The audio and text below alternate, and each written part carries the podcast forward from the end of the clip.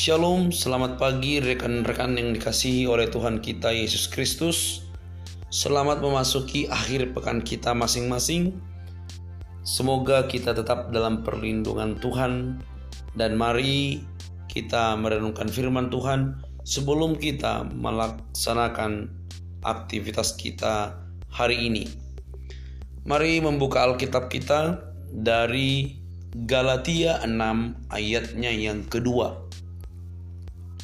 Galatia 6 ayat yang kedua, bertolong-tolonganlah menanggung bebanmu, demikianlah kamu memenuhi hukum Kristus.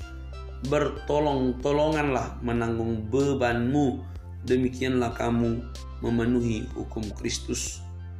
Saudaraku yang dikasih oleh Tuhan, selama kita masih berdiri kuat, cobalah untuk mengulurkan tangan kepada orang-orang yang sedang jatuh atau yang lemah.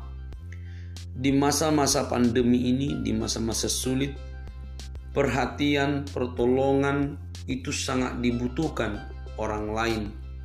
Tidak hanya dilihat dari segi materi yang dapat kita berikan, tetapi bentuk perhatian, doa, itu pun sangat dibutuhkan oleh orang-orang yang saat ini berjuang bersama di masa-masa sulit ini.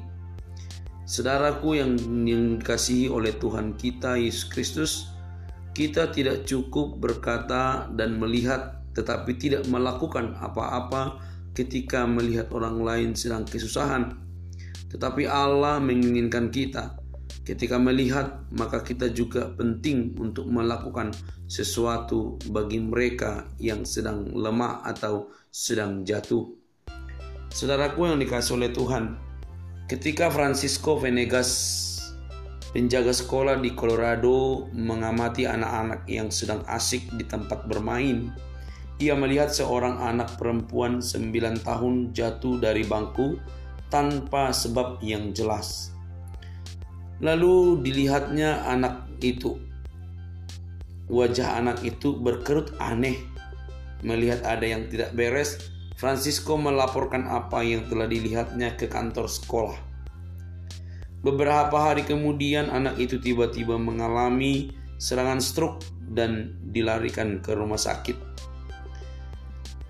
Berdasarkan informasi Francisco, dokter pun memutuskan untuk melakukan scan otak dan benar mereka menemukan tumor Syukurlah anak itu berhasil dioperasi dan sembuh.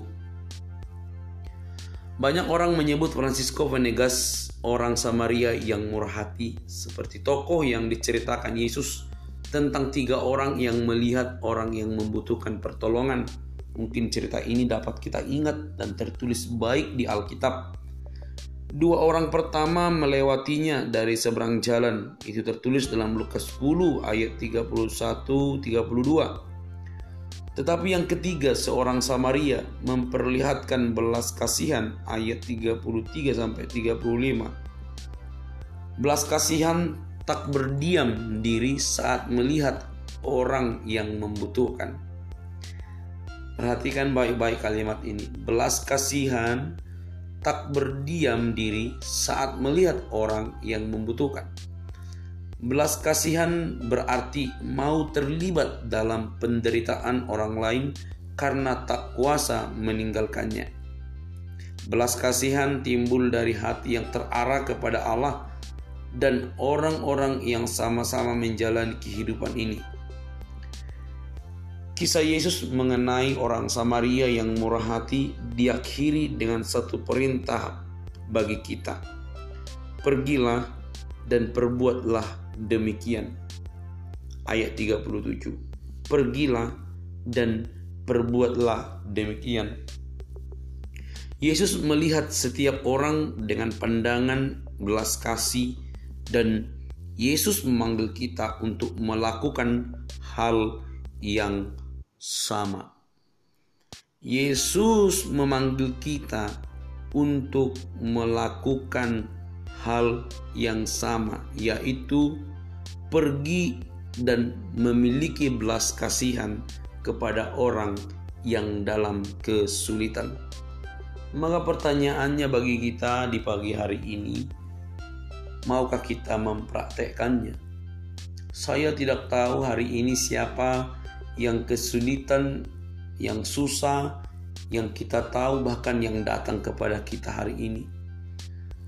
Maukah kita bukan hanya sekedar berkata dalam hati karena kita melihat, oh kasihan, lalu pergi? Maukah kita ketika melihat lalu juga bertindak menolong orang yang sedang kesusahan, uluran tangan kita sangat dibutuhkan sebagai lambang kemurahan dan kehadiran Kristus dalam hidup kita, yaitu perbuatlah kasih kepada orang lain. Saudaraku yang dikasih oleh Tuhan, melihat orang susah dan hanya menceritakan itu bukan ciri orang yang punya belas kasihan. Yang benar adalah ketika melihat orang yang susah, lalu juga kita bertindak untuk menolong mereka yang dalam kesusahan. Saya berharap kita dapat memikirkan hal ini dan berdoa kepada Tuhan supaya kita diberi kepekaan dan juga hikmat kemurahan hati untuk menolong orang lain. Tuhan Yesus memberkati kita. Shalom.